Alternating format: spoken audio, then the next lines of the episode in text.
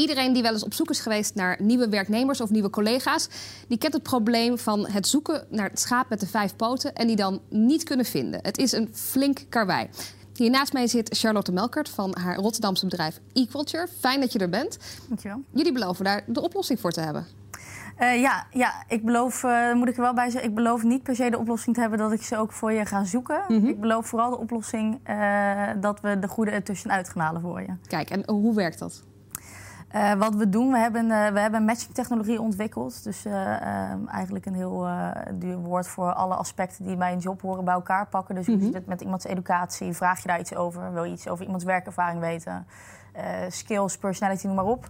Uh, dat gaan we allemaal vragen per vacature aan een bedrijf. Uh, op basis van al die data die we verzamelen, maken we eigenlijk een, een matchingsprofiel. Dus hoe ziet de ideale kandidaat eruit? Dus je gaat eerst naar het bedrijf die de vraag heeft openstaan, dus die de, de vacature vervuld wil hebben. Ja, ons product is een, uh, het is wel een tooling die je echt inkoopt. Dus je hebt, je hebt het op licentiebasis, dus je, hebt het, je gebruikt het gewoon voor iedere, voor iedere job. Ja. dus da, daar verschilt het zich wel van een, van een recruitmentbureau of iets dergelijks. dus het is wel echt een integraal onderdeel van, van je HR-proces. Uh, maar eigenlijk gewoon data heel slim inzetten en zorgen dat je systeem blijft leren van beslissingen die je hebt, uh, die je hebt genomen. En het wordt gebruikt door een HR-afdeling. Ja. Zij vullen in de zoektermen die zij zoeken. En dat kan dus heel divers zijn, begrijp ik. Educatie, maar misschien ook persoonlijkheden. Ja, we hebben er bijvoorbeeld ook uh, een x-aantal neuro-assessment games in zitten. Dus die meten personality traits en ook cognitieve skills. Uh, dus het is heel breed. Je kunt zeggen, joh, ik wil me heel erg focussen op die harde eisen. Dus, dus wat heeft iemand gestudeerd? Uh, wat was het niveau van mm -hmm. die studie? Uh, maar je kunt ook juist heel erg gaan zitten op past iemand bij onze cultuur... en heeft iemand de skills om met een team te werken... of is iemand wendbaar, of, of noem maar op. dus dat kun je eigenlijk zo gek maken als je zelf wil. En is dat de activiteit van de HR-manager? Dat is degene die echt aan de knoppen zit. En dan laat je het over aan het systeem... en er rolt een serie kandidaten uit? Of zit daar meer mensenwerk ook nog in? Uh, ja, wie, wie uh, het matchingsprofiel opstelt, ja, dat is per bedrijf verschillend. Uh, soms doet een recruiter het, soms doet een HR-manager het. in, in, in start-ups slash scale-ups hebben ze vaak niet eens iemand op een HR-afdeling. Dit doet misschien zelfs gewoon een co-founder het. Ja. Ehm, daarna is het, ja, hoeveel mensenwerk is het dan nog? Eigenlijk gaat het systeem voor jou kijken bij iedere kandidaat die solliciteert op jouw vacature. Uh, die loopt eigenlijk door een proces heen, door de games te spelen en wat informatie over zichzelf te delen. En eigenlijk gaat die eerste ronde gewoon volledig automatisch. Dus je moet je voorstellen dat er gewoon een profiel uitkomt. Uh, waarbij je ziet van nou, deze kandidaat scoort uh, 80% op de job. Mm -hmm. uh, en op al deze verschillende onderdelen scoort diegene ook zoveel. Ja. waarbij je zelf zou kunnen bepalen van ik wil het allemaal zelf inzien. Of je kunt het ook automatisch zeggen van iedereen onder de 60% bijvoorbeeld. die wordt gelijk eruit Die wordt afgewezen. Ja. Dus in feite hou je als het goed is een stapel kandidaten over die ook daadwerkelijk voldoet aan jouw vacature. Ja. En dan? En dan houdt eigenlijk onze taak wel een beetje op. Want wij, wij zitten echt op die eerste stap. Dus hoe vertaal je, uh, je zoekt een persoon en hoe vertaal je dat naar, de juiste, naar het juiste matchingsprofiel. Uh, en we doen die eerste screening voor je. En daar helpen we je zoveel mogelijk mee. En eigenlijk vanaf die stap ga je het interviewfase in.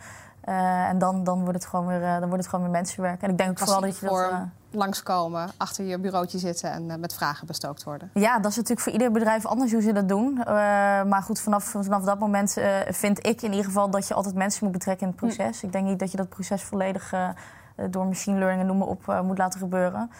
dus daar houdt onze taak ook op. Wat je net zegt, hè, van dat is de stap in het proces waarin jij vindt dat er een mens aan te pas zou moeten komen. Ja. Ik kan me voorstellen dat de, de klassieke recruiters zouden zeggen: ja, maar juist dat selecteren van de kandidaat, dat, dat moet ook door een persoon gebeuren.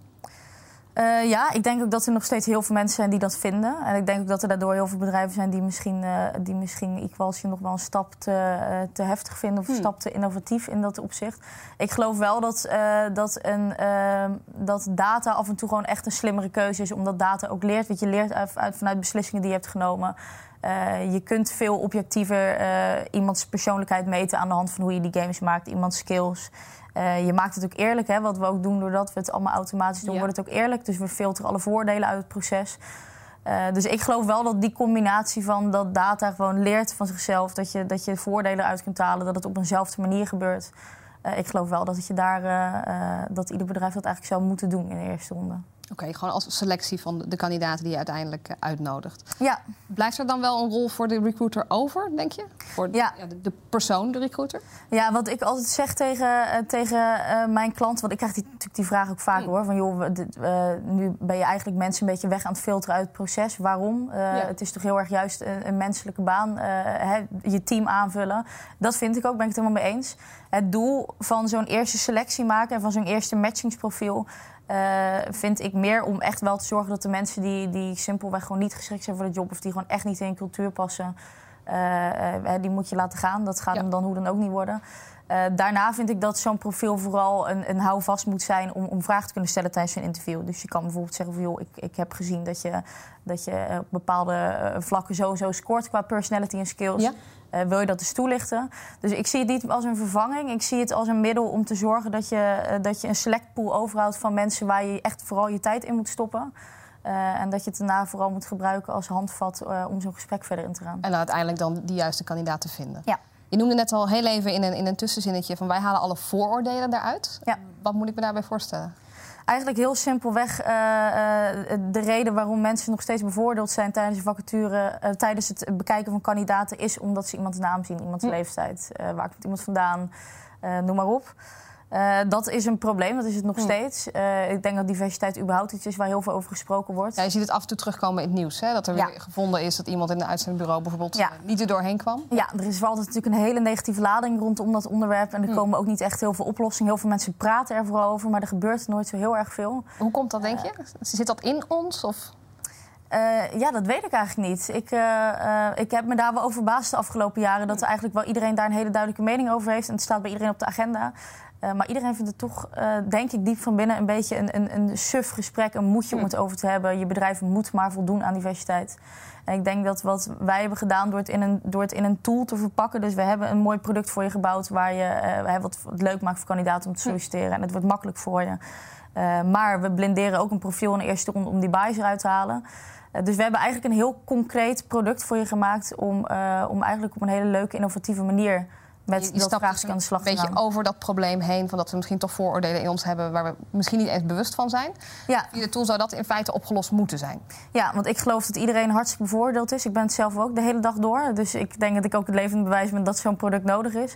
ik denk alleen dat als je naar eh, de geschiktheid van een kandidaat kijkt... of dat nou op harde eisen is of op eh, fit met je organisatie... ik denk dat je eerst dat beeld moet hebben en daarna... eh, je oordeel kan aanpassen door dat inderdaad of het een man of vrouw is of hoe oud iemand is. Ja. Maar ik geloof dat, dat, je, dat we die volgorde gewoon simpelweg moeten omdraaien. Dat je referentiekader heel anders wordt als je eerst ziet dat iemand geschikt is en daarna iemand, iemand, iemand als persoon daarbij ziet staan. Dus eerst een focus op de skills en Ja. de match eigenlijk met de, met de vacature. Ja. Dat is het gedeelte voor de, de HR-managers, in ieder geval degene die de vacature uitzetten.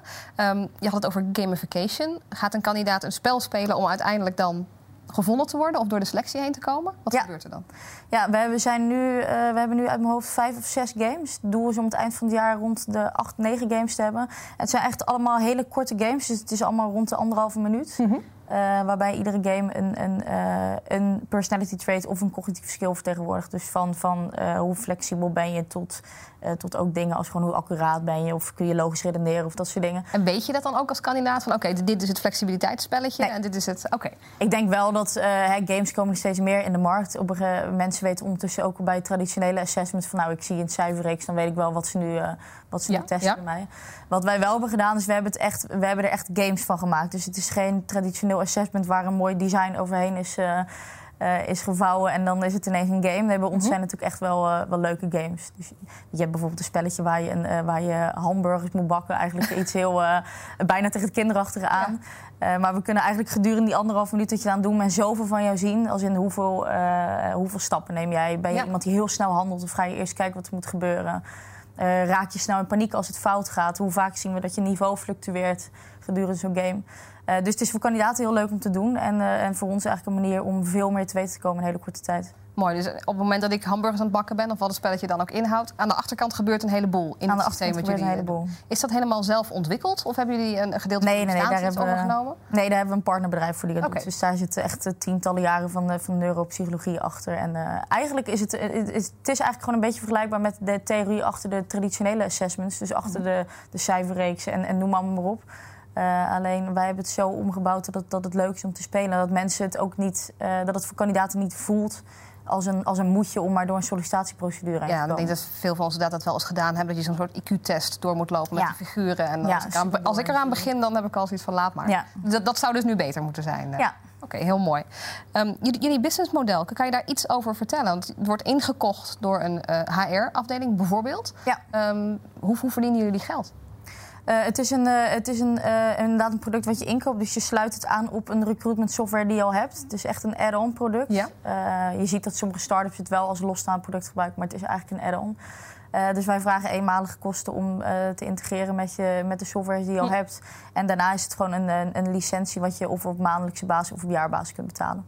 En is dat uniek in Nederland? Er zijn er al meer partijen die dit doen. Uh, we, hebben, we hebben wel concurrenten. Hm. We hebben ook een Nederlandse concurrent overigens. Uh, maar ik denk wel dat, dat de, de, de, de dingen die wij bij elkaar hebben gepakt... Uh, het toch wel anders maken. Weet je, we zijn niet de enige die, die een matching voor kandidaten doen. We zijn ook niet de enige die, uh, die het allemaal automatiseren voor je Hm. basis van data.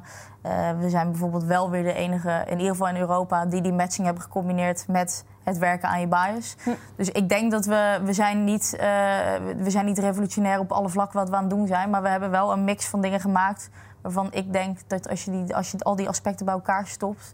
Uh, je eigenlijk gewoon heel veel problemen in één keer kan tackelen. Kijk, en het is natuurlijk een business waar al jarenlang wat in gebeurt. Hè. Recruitment ja. is iets wat al heel lang bestaat. Um, hoe box je op tegen grote partijen zoals de, de Adecco's en de Young Capitals, Randstad uiteraard?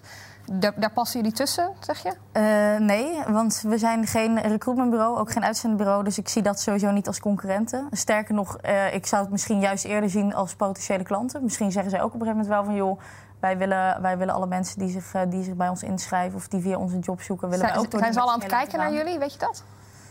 Uh, ja, dat, dat, durf ik niet te zeggen. Ik denk, uh, ik denk HR is wel in die zin een kleine wereld. Hmm. Dus als je er eenmaal bent, uh, weet je, ik merk ook wel dat mensen, dat mensen over je praten. En, en goed, het dat als een gevaar ja. zien of niet, ik weet het niet.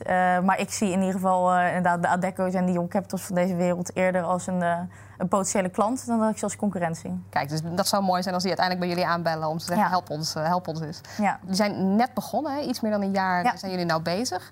Ehm, hoe ziet dat bedrijf eruit? Want jullie zijn ge- gevestigd in Rotterdam nu. Ja. Moet ik me dan voorstellen, er zit een hele grote zaal met, met 20 jongens die aan het programmeren zijn? Hoe werkt Nee, het? nee, nee, dat valt eigenlijk reuze mee. We zijn met een, eh, een team van drie aan het developen nu. Eh, dat, doen, eh, dat doe ik overigens zelf niet. Dat doet mijn, eh, mijn tweelingzus, mijn andere co-founder ook niet. Eh, dus wij zijn echt degene die het product bedacht hebben. Ja. Eh, ook vanuit ervaring als recruiter zelf. Eh, en wij doen nu vooral de sales en wij kijken gewoon op lange termijn van waar moet het product heen. En we hebben daarnaast drie hele goede developers die, die al onze creatieve hersenspinsels kunnen vertalen naar, naar een mooi product. Dus die, die, die stropen de mouwen op en uiteindelijk wordt het dan, wordt het dan Ja. gebouwd. Maar ja, want jij werkt samen met je tweelingzus. Dat Ja. lijkt me een bijzondere combinatie. Ja, dat zouden heel veel mensen niet aanraden, denk ik. En dat hebben wij toch gedaan. Jullie wel, of niet? Ja, absoluut. Oké. Ja, ik, eh, eh, ik, wij zijn twee jaar geleden een recruitmentbureau gestart voordat we dit gingen doen. Eh, eigenlijk omdat ik heel graag wilde leren ondernemen, of in ieder geval zien Mm. of ik het leuk vond om te gaan ondernemen. Eh, en mijn zusje Fleur was in die tijd part-time recruiter naast haar studie. Dus die heb ik in al mijn enthousiasme meegetrokken en Ah, gezegd, we gaan het met ja. z'n tweeën doen. En tot op de dag van vandaag heel blij mee. Want ik denk dat iedere, iedere co-founder van een bedrijf zich wel kan vinden in, eh, eh, in dat het af en toe gewoon lastig is. Weet je, het is niet altijd leuk. Het gaat, niet, het Hmm. gaat je niet altijd voor de wind. Er zijn maanden dat je inderdaad ook gewoon stress hebt over... kan ik mijn kantoor nog betalen Ja. en mijn mensen moeten uitbetaald worden. Eh, en dan vind ik het wel heel fijn dat ik met iemand werk... waar ik dat één mee kan delen. Dus waar je er dan niet alleen Ja. voor staat. Eh, en omdat wij ook tweeling zijn, is bij ons echt een half woord genoeg. Dus wij kunnen bij van spreken Ja? in een meeting zitten... en elkaar eh één seconde aankijken. En dan zien wij beide al van nou, dit gaan we doen of dit gaan Ja. we niet doen. Dus je, voelt elkaar heel goed aan daarin. Is die, die rolverdeling tussen jullie, is dat heel natuurlijk gegaan? Of doen jullie echt totaal andere dingen? En heb je daarover moeten overleggen van nou, wie pakt wat op? We doen wel andere dingen, maar dat is wel eh, compleet natuurlijk gegaan. Hmm. Eh, ik, ben, eh, ik ben over het algemeen degene die veel dingen bedenkt. Dus nieuwe visies voor het product of Ja. de, de, de lange termijn visie van waar wil ik in een hele ideale situatie heen. Daar ben ik dan wel wat meer van. Maar ik ben wel ook echt de grootste chaot die je kunt voorstellen. Dus Fleur heeft mijn, mijn mails in haar inbox zitten en die moet mij iedere dag... Oh, wat grappig. Ja. Iedere dag als ik op kantoor kom, dan liggen er een paar van die... To-do's? Ja, een paar briefjes met allemaal to-do's klaar voor dingen die ik allemaal ben vergeten van de vorige dag. Eh, dus ik ben een beetje het creatieve brein van ons twee. En Fleur is degene die, eh, die gewoon zorgt dat alles in goede baan wordt geleid. En die stelt de doelen die we moeten halen. En die, eh, die zorgt dat het gewoon gebeurt. Dat het ook echt gedaan wordt. En dat jij Ja. bent op de plekken waar je moet zijn. Ja. Op het juiste, juiste moment. Oké. Want ehm, je net de doelen die we aan het bepalen zijn. ehm, hoe, hoe gaat dat? Heb je een visie voor nou over een paar jaar willen we daar staan? Of Ja, ik heb vanaf het? dag één, toen we Equaltje gingen starten... want wij hebben heel veel van mensen te horen gekregen... dit moet je niet gaan doen, dit gaat het nooit Ja. worden. Eh, Zoals het hoort eh, eigenlijk. Ja, Ja. je gaat geen investering ophalen om je product te bouwen. Jullie zijn veel te jong, je hebt geen ervaring. Nou, dat moet je net tegen mij zeggen, want daar loop ik drie keer harder van. Is dat Dus zo? ik heb, eh, ja, en ik, dus ik heb op dag één, eh, toen we onze investeerders spraken, gezegd... over vijf jaar zitten we in vijf landen. Oké. En dat is nu het, onze stip op de horizon. En in hoeveel landen zitten jullie nu? Twee. Twee landen. Oh, nou, dan ben je al redelijk, redelijk op weg. Na, Ja. na dik een jaar bezig te zijn. Ja. Wat ik eh, lastig vind, ik zie dat zelfs ook wel om mij heen bij andere ondernemers. Het is best mooi om een, een doel te kunnen bepalen. Hè? Van nou, over vijf jaar willen we daar staan. Ehm, maar hoe zorg je dan dat je ook daadwerkelijk tot acties komt om daarheen te gaan? Hoe, hoe werkt dat bij jullie? Hoe bepaal je je volgende stap? Eh, nou, ik moet wel zeggen dat Fleur en ik misschien niet het schoolvoorbeeld zijn van alles volgens de, Hm. eh, de manieren doen die je keurig in de schoolbanken geleerd hebt. Wij, vliegen wel, wij schieten wel een beetje alle kanten op. Dus als we, eh, als we weer wat horen en we hebben zoiets van nou dat is gaaf, we gaan het proberen, dan, eh, dan doen we het ook gelijk de volgende dag. Ik Ja. denk dat dat ook wel het voordeel is van een start-up zijn. Je kunt, eh, ja, je kunt alles uitproberen en zien of iets, Ja. of iets goed werkt of niet. Ik zou gewoon eigenlijk helemaal geen antwoord kunnen geven op je vraag. Ik heb eigenlijk geen idee. Nee, Wij, het gaat vanzelf. wij, wij zien gave bedrijven, die, die benaderen we. En we, we zijn met mensen aan het praten. En daar horen we weer iets over. Joh, dat zou heel gaaf zijn om aan je product toe te voegen. Hm. Dan zitten we dezelfde dag weer met onze developers aan de tekentafel, bij wijze van spreken. Eh, dus eh, ik denk wel dat wij op dit moment nog een beetje alle kanten op rennen. En alle Ja. adviezen die we krijgen eh, meteen vertalen naar... nou, dit gaan we gewoon proberen. En is dat een, een manier van werken die je wilt houden? Of zeg je, we moeten langzaam toe naar een gestructureerdere wijze van werken? Nou, we moeten wel. eh, de- nu is de fase wel gekomen dat je gewoon gestructureerd moet gaan werken. Eh, en daar is Fleur dan weer heel veel beter in dan ik. Kijk, ja. Maar ik denk in het begin, als je net je, je, je start-up launcht, dan, dan wil je gewoon dat zoveel mogelijk mensen weten wat je aan het doen bent. Hm. Je wilt zoveel mogelijk mensen spreken die ook vooral heel kritisch zijn op je product. ja. En je wil gewoon alles proberen wat je hoort van mensen. Eh, en ik, dat, hebben, dat hebben we de afgelopen maanden zeker gedaan.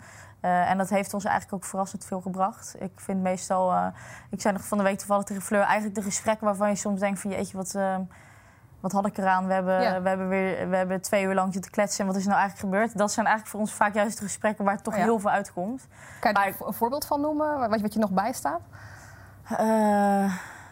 Poeh, wat mij bijstaat. Eh, Waarvan je denkt van, "Ga, daar hebben we helemaal niet aan gedacht. Maar inderdaad, misschien moeten we meer aandacht gaan besteden aan. Of wat, wat een uitdaging is geworden. Eh, ja, ik weet nog wel dat ik met een van onze adviseurs een aantal maanden geleden een gesprek had. En Toen de tijd hadden we nog geen CTO in ons team. Dus we hadden twee freelance developers. En ik was me er wel van bewust van, nou, dat moet, eh, dat moet wel gaan veranderen. Ja, ook met oog op een tweede investeringsronde waar we volgend jaar wel heen willen. Eh, en die, eh, eh, volgens mij, we letterlijk drie uur lang, 's smiddags vanaf twee tot vijf hebben, hebben biertjes gedronken en een beetje Ja. gekletst over hoe gaan we dat dan doen en hoe kan ik jullie daarmee helpen. En weet je, dan- ben ik zo iemand, dan kan ik terugkomen uit zo'n gesprek en dan, dan zit Fleur heel geconcentreerd te werken. Dan trek ik er echt uit te werken. Dan heb ik allerlei ideeën van, nou, we gaan dit en dit zo doen en we gaan zo een CTO zoeken en hij kan met die praten en, en op die kanalen gaan we kijken. Terwijl ik daar dan eigenlijk twee uur van tevoren compleet niet mee bezig ben. ja.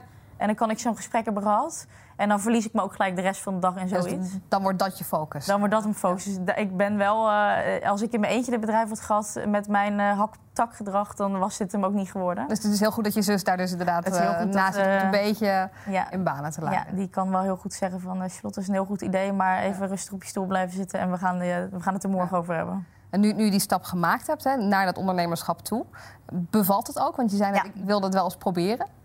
Ja, ik denk ook wel dat, ik de, dat wij misschien de nou, bijna ongezonde situatie wel hebben. Dat eh, Fleur en ik waren 19 toen wij ons recruitmentbureau startten. Eh, ook gewoon nog studenten ernaast. Eh, Hoe, maak je die stap überhaupt? Want de meeste mensen van 19 die doen dat niet. nee, nee, dat zou ik echt niet weten. Ik heb ook geen ondernemende ouders, dus ik weet ook niet waar die, waar die drang vandaan is gekomen. Hmm.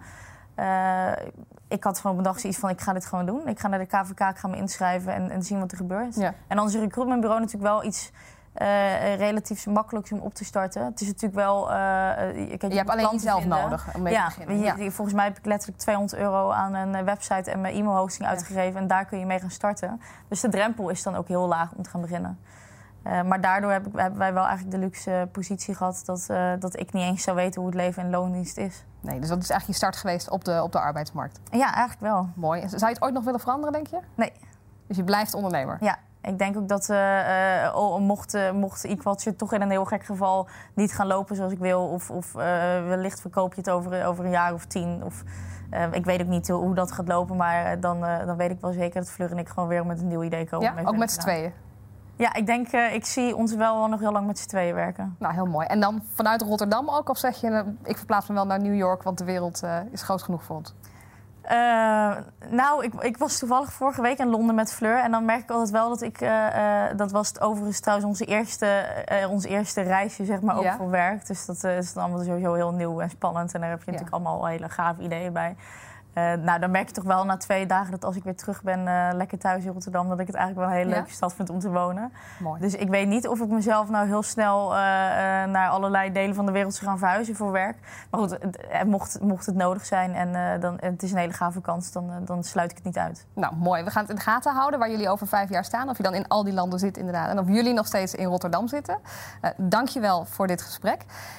Wil jij nou nog meer bekijken van dit soort gesprekken met ondernemers? Kijken of er ondernemerslessen zijn? Kijk op 7daytv.nl en ik hoop je de volgende keer ook weer te zien. Dag.